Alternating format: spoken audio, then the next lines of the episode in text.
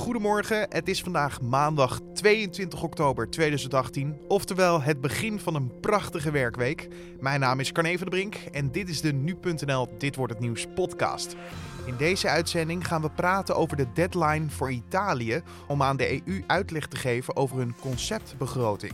De EU maakt zich namelijk zorgen over de huidige plannen van Italië. Ja, dat vooral op de lange termijn. Eigenlijk is nu vooral nog een uh, politiek steekspel tussen uh, Italië en de, de, Europese Commissie.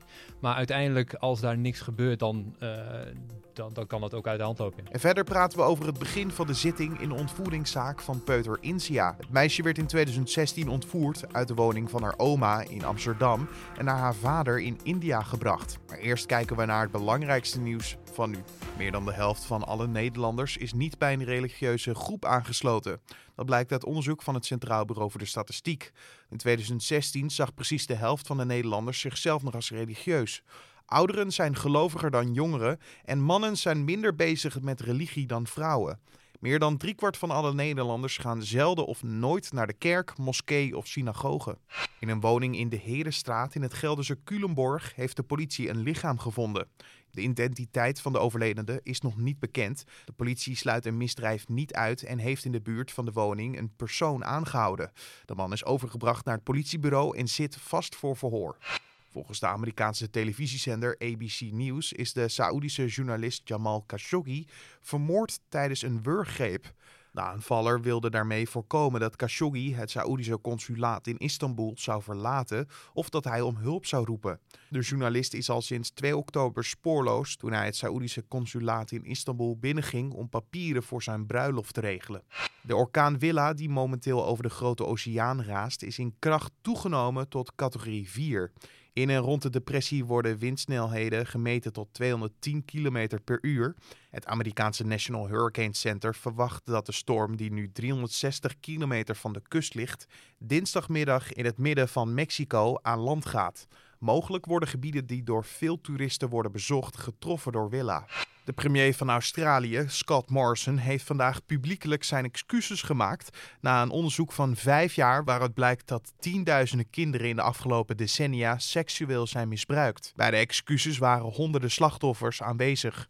Het onderzoek liet zien dat het misbruik plaatsvond in scholen, kerken, weeshuizen en andere instellingen. En dan kijken we naar de dag van vandaag, oftewel dit wordt het nieuws. De deadline voor Italië om aan de EU uitleg te geven over de ontwerpbegroting verloopt vandaag om 12 uur. De EU heeft de zorgen over de begroting geuit omdat eerder afgesproken is dat Italië de overheidsuitgaven in ieder geval niet zou verhogen. Maar de nieuwe regering is het echter toch van plan. Hoe de situatie tussen Italië en de Europese Unie er op dit moment uitziet, dat vroegen we aan Wilbert Cel van de Nu.nl economieredactie. Samengevat, uh, ze zijn het eigenlijk gewoon niet eens over wat voor begroting Italië moet gaan draaien voor de komende jaren. Uh, zo wil Italië voor volgend jaar een tekort boeken van 2,4% van uh, het BBP, van de Italiaanse economie. En in principe is daar ook niks mis mee, want de Europese begrotingsregels die schrijven voor dat een tekort in principe niet mag oplopen dan 3%. Maar het unieke aan de Italiaanse situatie is, is dat ze al een ruime staatsschuld hebben. Namelijk van 130 procent uh, van de Italiaanse economie. En daarmee zijn ze uh, op één, één na grootste uh, staatsschuld in de eurozone. De EU vindt dat ze die staatsschuld nu al moeten proberen af te bouwen. dus ja, dan moet je ook een, een lager begrotingstekort of een begrotingsoverschot boeken eigenlijk. Uh, in eerste instantie zou het ook zo zijn, maar na de verkiezingen uh, en uh, toen de Lega en de Vijf Sterrenbeweging aan de macht kwamen, was al meteen al duidelijk dat het niet zou gebeuren. Ja, die zijn niet heel erg ja, voor Europa, een beetje anti-Europa nee. in hun plannen. Ja, nee, en die zijn ook vooral voor het uitgeven van meer geld of het verlagen van belastingen. En niet voor nou ja, een, een wat sober begrotingsbeleid, zoals dit de afgelopen jaren is gevoerd in Italië.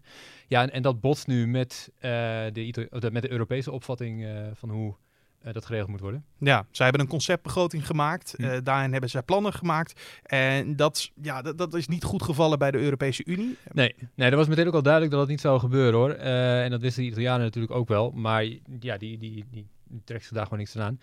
Vorige week maandag is de Italiaanse begroting ingediend. Door de Italianen.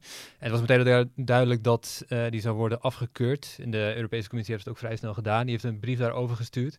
En nu heeft Rome tot vandaag eigenlijk om te reageren hierop. Ja, ze hebben een deadline gekregen tot 12 uur in de middag. ja, maar hoe grijpend is deze deadline? Wat kan het betekenen bijvoorbeeld? Ja, nou, in principe is Italië gevraagd om gewoon een reactie te geven op uh, de kritiek van uh, de Europese Commissie. De Europese Commissie vindt dat uh, deze begroting duidelijk niet voldoet aan de Europese begrotingsregels. Nou, de, kunnen de Italianen daar een bepaalde reactie op geven of ze kunnen al aangeven andere maatregelen te gaan nemen.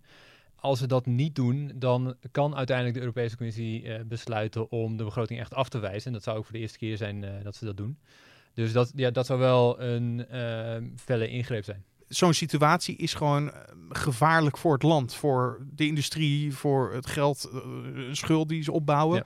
Ja. ja. dat vooral op de lange termijn. Eigenlijk is nu vooral nog een uh, politiek steekspel tussen Italië en de, de, Europese Commissie. Maar uiteindelijk, als daar niks gebeurt, dan, dan, dan kan dat ook uit de hand lopen. Ja, precies. Een beetje Griekenland situaties krijg je dan. Of is dat weer een hele andere ja, op de lange termijn de, de schuilt wel, er is wel het risico dat uh, hier een, een schuldencrisis uit ontstaat. Uh, wat er gebeurt als Italië niet die begroting weet aan te passen, dan ja, de financiële markten zullen erop reageren. Die, die, als die misschien vertrouwen verliezen in Italië, dan kan die rente nog meer gaan stijgen. en ja, als Italië nog meer moet betalen terwijl ze al uh, een begrotingstekort hebben, ja, dan, dan, lopen ze het gevaar in een neerwaartse spiraal te komen. Dat is wel iets voor de lange termijn. Nu speelt nog uh, het politieke verhaal. Ja. Maar dat gevaar is er wel. Ja, want hebben andere eurolanden hier al op gereageerd? Nou, hebben bijvoorbeeld uh, Mark Rutte die heeft zijn zorgen overgebracht aan de Italiaanse premier, aan Conte. Ehm, Merkel die heeft gezegd hier kritisch op te zijn, maar in principe laat ze het allemaal aan de Europese Commissie over om uh, maatregelen hierover te nemen. Ik zag ook nog eens een keer in een bericht van de economieredactie van het jullie kant ehm, dat ja, Italië misschien niet de enige is die bij de Europese Commissie moet komen, toch? De Europese Commissie die beoordeelt natuurlijk sowieso alle begrotingen die worden ingediend. En soms dan uh, gebeurt het uh, dat daar een, een, begroting tussen zit die ja, waar, waar, de Europese Commissie vragen over heeft. Maar uh, bijvoorbeeld de, de, Spaanse minister van Financiën die heeft al gezegd nou, dat, dat ze met alle vertrouwen uh, zo'n brief tegemoet zien en dat daar niet per se problemen in staan, maar dat hij gewoon iets meer moet uitleggen. Dus er zitten wel gradaties in in uh, ja, hoe ernstig die brief is, zeg maar. Ja, want er stond Spanje, uh, Frankrijk, België, stonden onder andere in dat lijstje inderdaad. Ja. Um, ja. vandaag dus de dag dat zij de begroting, uh, een deadline om 12 uur hebben voor de conceptbegroting, voor het nieuwe plan. Wat zijn jouw verwachtingen? Hoe, hoe zal de dag verlopen? Het is een beetje moeilijk te zeggen, maar de Italianen hebben tot nu toe altijd voet bij stuk gehouden. Uh, de Italiaanse vicepremiers die zijn allebei uh, ja, best wel vijandig naar Europa toe. Die trekken zich daar gewoon niks van aan. Dus uh, ja, de verwachting is niet dat zij snel eh, die begroting daarop gaan aanpassen. Dat, er wel, zal wel iets meer moeten gaan gebeuren. Je hoorde nu.nl-redacteur Wilbert Cel. Vandaag begint een zaak tegen zes verdachten die mogelijk betrokken zouden kunnen zijn bij de ontvoering van de inmiddels vier jaar oude Insia. Het meisje werd in 2016 ontvoerd uit de woning van haar oma in Amsterdam en uiteindelijk naar haar vader in India werd gebracht. De zaak speelt dus al een poos, maar wat is er sinds die tijd gebeurd? Dat vroeg ik aan rechtbankverslaggever Joris Peters. De zaak die vandaag begint dat gaat, uh, die is tegen zes verdachten die betrokken zouden zijn uh, bij de ontvoering hè, van Insia. En de andere zaak die ook nog speelt, dat gaat om de voogdij van het meisje. Uh, het meisje verblijft op dit moment nog steeds in, in India bij haar vader. haar moeder wil haar heel graag terughalen. maar daar gaat het tijdens deze zaak niet om. Insia is dus met haar vader naar India gegaan. Alleen deze vijf dagen draaien niet om de vader. Het draait om de mensen die hem hielpen daarmee. Om wie draait deze zaak dan? Uh, ja, dat is een goede vraag. Het zijn, namelijk, het zijn in totaal uh, acht verdachten. Uh, maar degene die, die, die vanaf vandaag terecht staan, dat zijn er zes. dat zal ik even uitleggen. De, het proces tegen de vader en, en een andere, andere persoon, die, moet nog, die, zal nog volgen. Dus die wordt op een ander stadium wordt hij ook vervolgd. maar omdat dat nu niet mogelijk is, omdat hij toch niet naar Nederland zou komen, dat zou een hoop vertraging dus opleveren voor deze zaak, is ervoor gekozen om dat nu nog niet te, nu nog niet te doen. Um, en de zes personen die nu terecht staan, Eh, die hebben dus allebei allemaal een rol gespeeld bij de uitvoering. Eh, vier personen daarvan die hebben in mindere mate een rol gespeeld. Ehm, maar het gaat eigenlijk om twee personen die hebben echt bijvoorbeeld, eh, die worden van verdacht eh, de mensen te hebben betaald die mee hebben geholpen. Een coördinerende rol, dat kan je het beste zeggen. Ja, weet je ook een beetje wat hun motief zou kunnen zijn om de vader te helpen? Nou, er zijn, er zijn al wel een aantal proforma zittingen geweest en er zijn de verklaringen ook afgelegd. En die zeggen eigenlijk, ja, ik wist niet helemaal goed waar ik mee bezig was. En aan de andere kant hoorde ik ook het verhaal van de vader dat wij eigenlijk bezig waren met een, met een goede daad. Want het meisje zou eh, niet eh, thuis zijn bij haar moeder, zich niet prettig voelen. eh, en eigenlijk gewoon bij haar vader horen. En daar hebben wij aan meegeholpen. Maar er is geen duidelijk lijn tussen de vader en de zes personen. Nou ja, kijk, die, die vader, ik denk de vader ziet dit niet eens als een ontvoering. Die zegt gewoon dat het kind hoort bij mij. Mhm. En die hoort bij mij thuis in India. Ehm, dus nee, die, die, die, die speelt hier niet een, een rol in van oké, ik dacht dat ik wat goeds deed. Nee, dat kind hoort gewoon bij mij.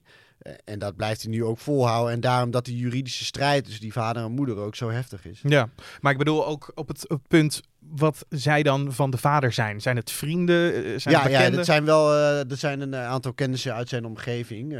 Niet, niet allemaal, maar de, er zijn een aantal kennissen uit zijn omgeving. Ja. Ja, ja, de zaak speelt dus al van de zaak speelt dus al vanaf 2016, een best Ja. wel lange tijd. ja. Ja, hoe ingrijpend is deze zaak voor de moeder? Nou ja, dat, dat is, dat is, dat is ongelooflijk. En eh, we hebben ook even de, haar advocaat eh, Peter Plasman opgebeld en de vraag eh, voorgelegd eh, wat deze zaak eigenlijk voor de moeder betekent. Eh, nou, de moeder is slachtoffer van wat er gebeurd is. Ja, En eh, als slachtoffer wil je genoegdoening. Je wil dat mensen die jou iets hebben aangedaan, en dan ook met name haar dochter iets hebben aangedaan, dat die daarvoor gestraft worden. ja. Ik, En de functie van het strafproces is dat. En ook vervolgens dat het dan op een gegeven moment ook in ieder geval van, van de, wat betreft de strafrechtelijke kant kan worden afgesloten. ja, precies. En als het voordeel, als het de oordeel in haar voordeel uitpakt, in ieder geval deze mensen worden veroordeeld, kan het haar juridisch ook helpen om Insia weer terug te krijgen? Nee, nee. De, de enige werking die er misschien van uit kan gaan is als hier dan ook vervolgens fikse straffen worden opgelegd, dat het voor de Indiase autoriteiten toch wel misschien nog duidelijker wordt dat Nederland hier heel zwaar aan tilt aan wat hier gebeurt. Ja, je hoorde de advocaat van de moeder, de heer Plasman. Heb je ook eigenlijk kunnen vragen of ze, de moeder, ook contact heeft gehad met India? Ja, het laatste bericht wat we daarover weten is dat, dat er Skype-contact eh, zou plaatsvinden. Eh, dit hebben we inderdaad ook wel voorgelegd aan Plasma, maar die wilde op dit moment eigenlijk gewoon geen antwoord op geven, omdat dat ook weer eh, de zaak kan schaden voor zijn cliënt. Ehm, dus laten we het hopen voor de vrouw, zeker. Ja, want is er eigenlijk al meer duidelijkheid over wanneer ja, of India naar Nederland komt? Nee, nee, want eh, ja, het lastige is, kijk, ik, kan die, ik weet die man niet helemaal goed in te schatten. Hè. Ik bedoel, zal hij zich neerleggen bij de beslissing als het Hof in India uiteindelijk zegt, oké, dit kind moet terug naar, eh, naar haar moeder. Ja, want dat is goed om te zeggen. Er was er een zaak gaande en Ja. die is nu op dit moment uitgesteld omdat het nog niet helemaal zeker Ja, was. ja, er zijn hier echt al be- behoorlijk wat beslissingen gevallen, en, en, en, en, maar nog geen definitieve. En daarom zitten, we nog, zitten zij nog steeds in deze situatie waarin ze zitten.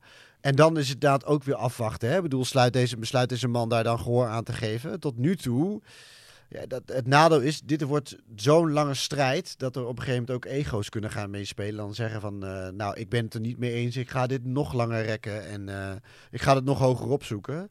Ja, en goed. En wie in zijn recht staat, dat, dat, dat moet de, rechtbank eh, uiteindelijk maar bepalen. Maar ehm, ja, het is, een, het is een hele vervelende situatie. Ja, eerst dus die komende vijf zittingsdagen. dat de zes personen die hier mogelijk betrokken bij de zouden zijn, ehm, ja, gehoord worden. Ja, hoe zullen die eruit gaan zien? Nou ja, we krijgen eerst maandag, krijgen we de, we beginnen vandaag met, met, de, met de feitenbehandeling, heet het zo. Dus waar worden deze mensen precies van verdacht? En zullen er ook getuigen worden gehoord? Eh, dan zullen eh, ook eh, de persoonlijke omstandigheden worden besproken van deze mensen. Ehm, en dan krijgen we maandag 19 oktober waarschijnlijk de strafeisen te horen van het Openbaar Ministerie. Je hoorde rechtbankverslaggever Joris Peters.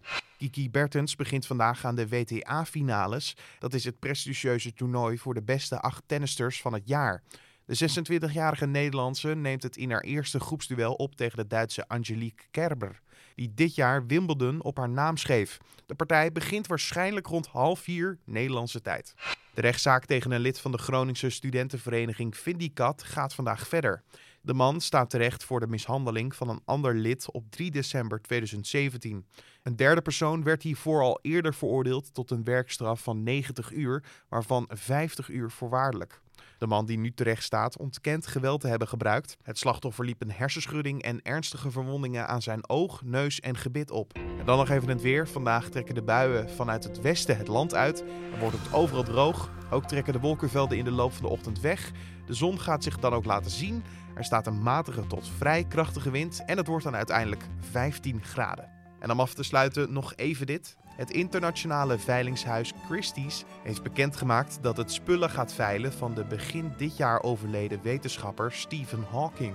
Onder meer zijn rolstoel, zijn proefschrift, enkele van zijn prijzen en wetenschappelijke artikelen zullen onder de hamer gaan. Ook een gedragen bomberjack en een script van een aflevering van The Simpsons met Hawking erin zal worden geveld.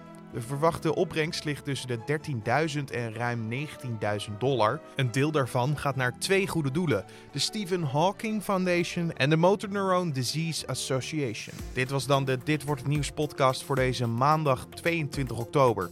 Je vindt deze podcast natuurlijk elke maandag tot en met vrijdag om 6 uur ochtends op de voorpagina van nu.nl en in je desbetreffende podcast-app.